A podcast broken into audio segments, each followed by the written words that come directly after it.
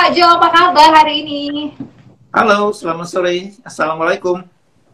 Waalaikumsalam warahmatullahi wabarakatuh. Oke, nampaknya ini uh, Pak Jo sehat banget ya hari ini. Boleh tahu nggak sih Pak kesibukannya apa hari ini? Wah, alhamdulillah hari ini sudah meeting dua kali tadi pagi. Uh, sekarang kita menunggu El Sinta mm -hmm. untuk ber berbagi-bagilah, insya Allah ngobrol-ngobrol ngobrol-ngobrol bersama dengan El Sinta ya. Sore hari ini begitu ya Pak Jo ya? Siap, siap. Oke, okay. oke okay, Pak Jo, uh, ya kita juga bakal ngobrol dan nantinya uh, bisa berinteraksi dengan Pak Jo langsung melalui telepon radio El Sinta ya Pak Jo ya nanti bisa uh, live dengan redaksi dengan pendengar El Sinta melalui telepon di 0215869000 atau juga bisa menyampaikannya melalui pesan singkat dan juga WhatsApp di 08118543. Sudah ada beberapa netizen-netizen kita yang juga sudah bergabung ini Pak Jo. Baik, saya pengen tahu dulu dong Pak Jo, dengan kondisi sekarang begitu banyak perusahaan-perusahaan nasional, delivery nasional dan juga multinasional, apakah masih ada nih Pak peluang untuk membuka us usaha, usaha jasa delivery atau jasa pengiriman barang?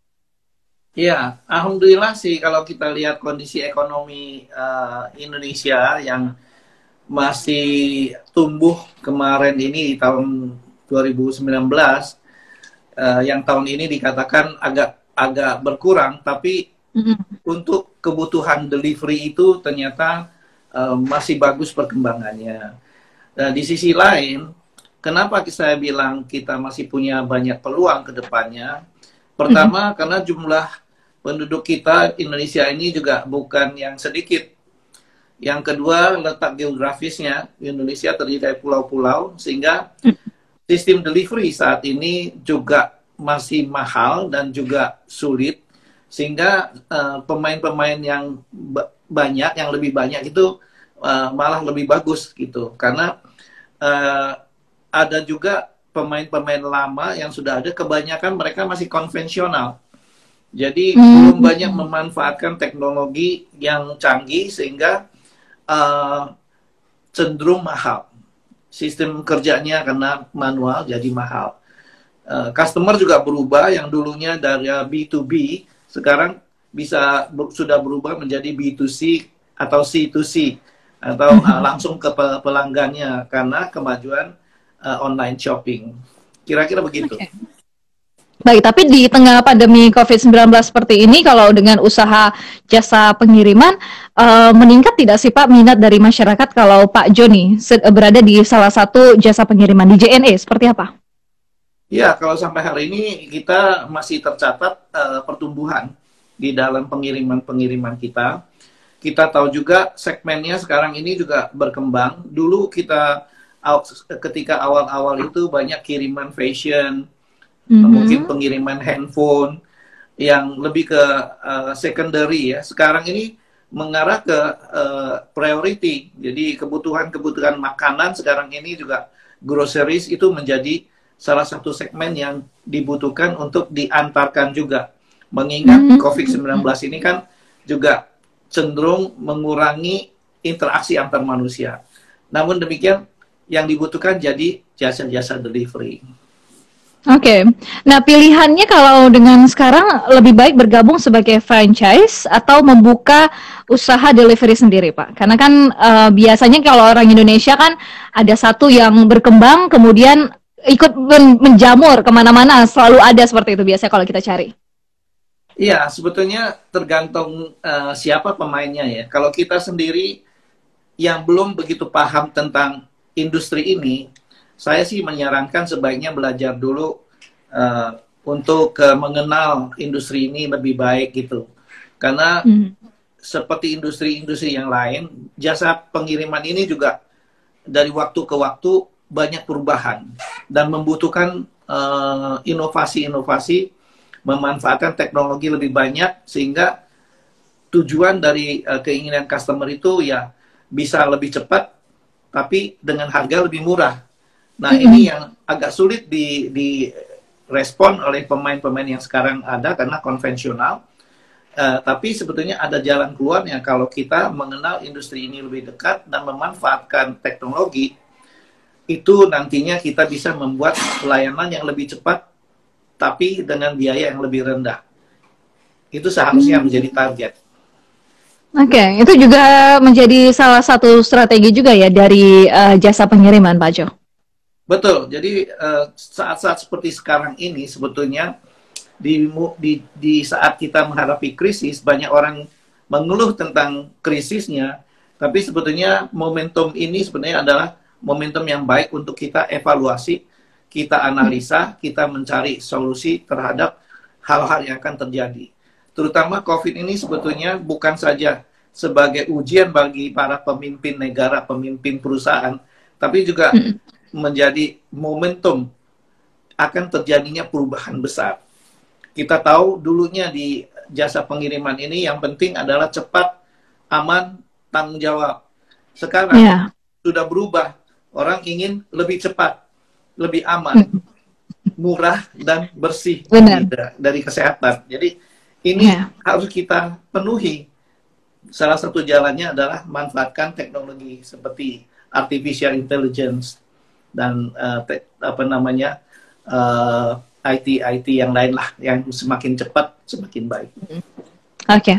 banyak juga mungkin netizen atau pendengar El Sinta yang nggak tahu ya siapa sebenarnya di balik kesuksesan dari JNE uh, salah satu jasa pengiriman barang yang banyak banget di mana pun juga ada ya agennya dan tentunya juga akrab di telinga kita. Nah ini mungkin saya bersama dengan Komisaris JNE Pak Jo bisa cerita sedikit Pak Jo. Awalnya uh, ada di dalam bisnis pengiriman barang itu seperti apa sih Pak ceritanya? Iya, JNE tentu saja berdiri uh, sampai hari ini bisa menjadi tuan rumah di negeri sendiri karena kerjasama teman-teman yang lain. Jadi tidak jasa satu orang atau sekelompok yeah. orang. Ini adalah kerjasama.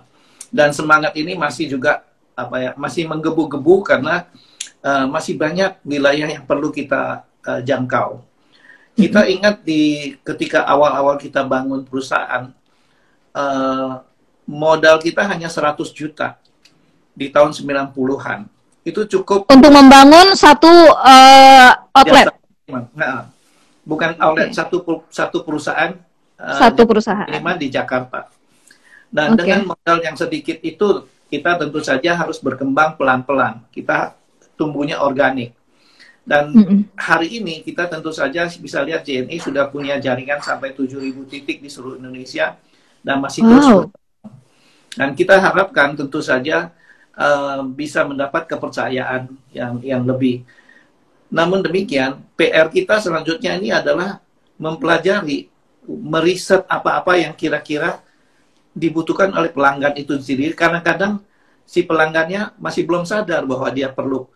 Ya, seperti sekarang ini kita tahu ada COVID, sedangkan mm-hmm. kita bisa memperkirakan ke depannya orang semakin sensitif untuk keluar kota, untuk mm-hmm. berinteraksi dengan orang lain. Bagaimana kita ya. bisa yeah. menjadi jasa pengiriman yang uh, lebih cepat, tepat waktu untuk bisa melayani itu. Oke, okay. baik Pak Jo. Sebelum saya lanjutkan kembali, ada pendengar yang juga sudah bergabung bersama kita ini Pak Jo. Saya sapa dulu ada Pak Faisal di Depok ya. Nanti Pak Jo bisa menanggapi apa yang disampaikan ini oleh Pak Faisal. Selamat sore Pak Faisal. Selamat sore Mbak Lina. Uh, Dengan Zira Pak Faisal. Oke, okay, silakan Pak Faisal dengan Pak Jo ini.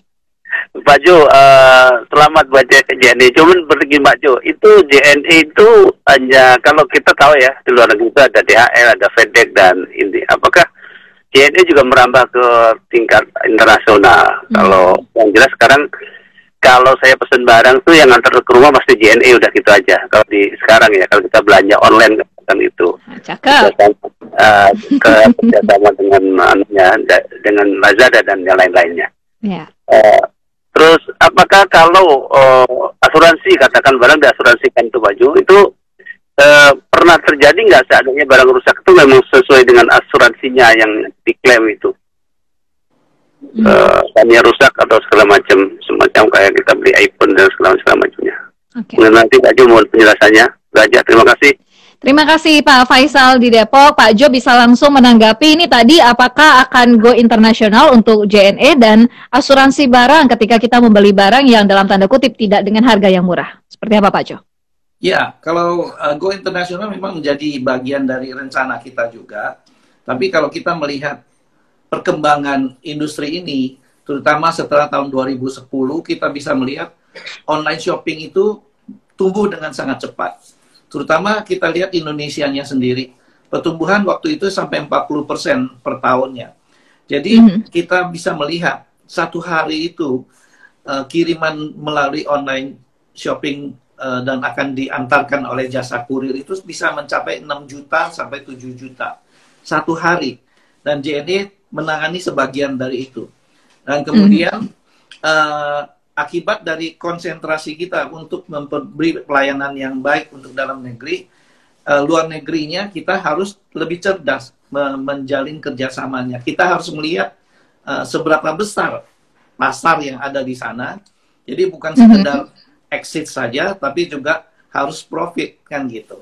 Nah ini yeah. tentu kita uh, bekerja sama dengan beberapa pihak sehingga kita tetap bisa menerima kiriman dari luar negeri dan mengantarkannya. Sebaliknya kita kalau ada kiriman untuk luar negeri, kita juga pihak yang kualitas layanannya uh, lebih baik atau sama baik dengan kita. Hmm, Oke, okay, baik. Ada pertanyaan dari netizen juga nih, Pak Jo. Saya bacakan dulu ya dari akun Likim195. Pak Jo, apa singkatan dari JNE? Ini kayak kuis ya. apa nih? Ya saya juga penasaran sih Pak Jo, singkatannya apa sih Pak Jo? Iya, kalau JNE itu kan se kedengarannya seperti perusahaan asing gitu ya. E, kita mm. kenal ada DHL, ada TNT, kita juga JNE. Tapi JNE itu sebenarnya singkatannya bahasa Indonesia. Jalur Apa? Nugraha Eka Kurir. Itu JNE. Oh. Dan itu dari dulu Indonesia. Cuman kita memang meng, apa, menggunakan logo-logo uh, e, JNE yang seakan-akan luar negeri. Karena market kita dulu ya, itu kalau produk dari luar sepertinya itu pasti lebih bagus. Tapi mm-hmm. memang itu sebagian dari strategi. Setelah kita membuktikan kita punya layanan bisa lebih baik, ternyata ya semakin cinta. Apalagi ketika mereka tahu bahwa CNI ternyata perusahaan dalam negeri. Oke, okay, baik. Ada juga pertanyaan dari akun Arif Budiman underscore. Bagaimana menjaga kualitas pelayanan jasa pengiriman agar barang yang dikirim kondisinya masih terjaga, Pak Jo, sejak dikirim oleh pengirim sampai ke tujuannya?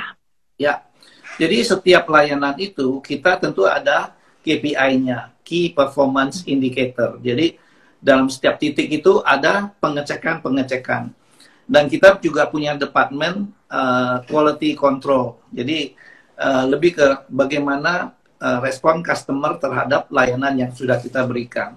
Bayangkan mm -hmm. satu hari itu satu juta lebih kiriman yang harus kita antarkan. Tentu tidak semuanya bisa puas uh, karena kalau diantarkan yang pertama mungkin customernya cukup senang, tapi kalau gilirannya nomor terakhir nanti kan dia juga mungkin kecewa. Nah, untuk menghindari hal-hal seperti itu, kita memiliki customer service yang selalu uh, bisa berkomunikasi dengan customer-customer itu apabila ada hal-hal yang mungkin tidak menyenangkan. Oke, okay. sampai dengan hari ini berapa usia dari JNE? Sudah berapa lama nih Pak Jo? JNE sekarang memasuki usia ke 29, hampir 30 tahun. Wow, luar biasa Pak Jo. Hampir 30 tahun dan tentunya setiap usaha itu pasti ada pesaingnya. Bagaimana nih Pak Jo uh, mungkin menghadapi ya dari persaingan-persaingan dalam usaha jasa pengiriman? Iya, kalau untuk Indonesia sebetulnya kita masih butuh banyak pemain ya, karena ternyata kiriman melalui online ini tumbuhnya terus sampai hari ini masih bertumbuh. Tapi mm -hmm. uh, yang kita harus lakukan itu adalah senantiasa terus melakukan evaluasi, mencari tahu lebih dalam apa yang menjadi kebutuhan. Seperti sekarang kita tahu ada krisis, customer lebih ya. cenderung yeah. kalau ada model-model proses bisnis yang memberi jaminan tentang kebersihan, kesehatan, mm -hmm. asuransi. Itu semua menjadi bagian yang kita ramu untuk bisa memenuhi kebutuhan customer. Salah satu lagi adalah uh, teknologi harus kita miliki sehingga kita bisa melakukan sortir itu jauh lebih yeah. cepat daripada umumnya orang kalau sortir secara manual. Nah ini juga perlu di, dilakukan. Tidak saja kita apa namanya harus melaku, melakukan uh, sistem secara manual di tempat-tempat tertentu, hmm. tapi secara teknologi itu sebetulnya bisa diproses dengan jauh lebih lebih cepat. Oke, okay. ada apa nanya lagi melalui WhatsApp ini Pak Jo. Saya bacakan dari Pak Sony di Bandung. Assalamualaikum Pak Jo. Sebagai pelaku usaha kecil, strategi apa agar usaha saya menggeliat lagi? Karena saya punya karyawan, agar karyawan kami ini tetap bisa bekerja, Pak, walaupun pendapatannya tidak seperti dulu lagi. Ya, kalau hubungan manusia artinya antara pengusaha dengan karyawannya, atau sebaliknya, yang harus nomor satu kita ingat itu adalah kita antara antara pengusaha dengan karyawan itu jangan dipisah-pisahkan, jangan diberi gap antara dua unit ini. Karena karyawan dengan pemilik perusahaan itu sebenarnya ada satu kesatuan. Pemilik perusahaan mm -hmm. punya tujuan yang bagus karena dia punya visi misi dan strateginya, tapi kemudian dia perlu karyawan untuk melaksanakan dan karyawan yeah. itu membutuhkan perusahaan agar mereka punya kemampuan itu bisa diakui dan bisa jadi uh, sesuatu yang memberikan income. Nah, kekompakan hmm. dua ini yang harus kita jaga, maka buatlah suasana kekeluargaan antara uh, kita dengan karyawan kita. Suka duka itu kita jalani bareng-bareng sehingga uh, pengorbanan uh, kecil maupun besar kita bisa lalui bersama-sama. Oke, okay, harusnya tidak ada batasan ya Pak Joya antara atasan dan juga bawahan, antara ya. bos dan juga karyawan, seperti ya. kekeluargaan dan ini juga menjadi salah satu tips dan juga trik untuk menjaga usaha kita bersama-sama. Pak Jo, ada satu penelpon terakhir, saya sapa terlebih dahulu ada Pak Anggana di Pamulang, Tangerang Selatan. Selamat sore Pak Anggana. Sore Mbak Zira, selamat sore Pak Jo. Selamat sore. Saya jadi ingat waktu dulu sempat menerima rekan-rekan JNE juga yang dulu sedang pembelajaran di salah satu sekolah di daerah Cikini dulu waktu saya bekerja di satu FMCG. Mm-hmm. Itu satu program pendidikan yang bagus sekali buat uh, eh, JNE untuk memberikan satu apresiasi kepada karyawan-karyawan yang berprestasi gitu. Mm-hmm. Dan satu hal yang pengen saya coba sharing di sini adalah pertama terima kasih rekan-rekan yang ngirim kurir itu, rekan kurir yang ngirim barang itu sekarang jadi sahabat ya pagi ya atau dua hari sekali paket-paket. Nah itulah sahabat kita semoga sehat terus dan terus Amin. berkembang.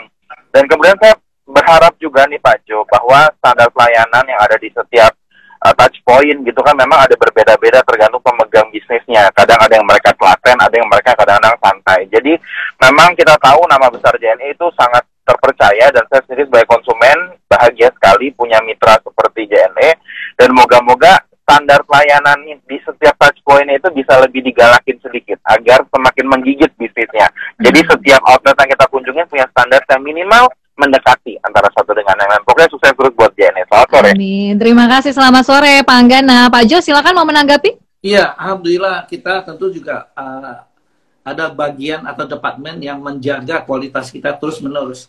Tapi sebetulnya lebih jauh dari itu adalah kita ada uh, Research and Development Department atau Business Development Department yang dalam rangka menciptakan produk-produk atau eh, proses-proses uh, bisnis yang jauh lebih uh, aman lagi, jauh lebih cepat lagi, sambil uh, bekerja di belakang layar dan insya Allah kalau mereka sudah siap tentu bisa memperkenalkan kualitas yang baru. Ya, oke, okay. baik. Pak Jo, ada juga yang bertanya nih melalui Instagramnya Elsinta, Pak, uh, kunci suksesnya dong Pak Jo dari akun Dede underscore Kasep. ya, kalau kunci sukses itu saya pikir untuk mereka yang baru mau memulai bisnis, selalu berpikir apa uh, menyiapkan tujuan dari bisnis yang dia mau bangun itu.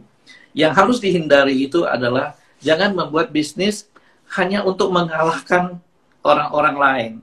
Bikinlah bisnis yang bisa memberi manfaat, yang yang menjadi solusi. Karena itulah bisnis yang akan long term, bisa jangka panjang. Kedua dari dari masalah itu adalah ingatlah di dalam kita menjalankan bisnis, rezeki itu datangnya dari Allah, rezeki itu dari dari Tuhan.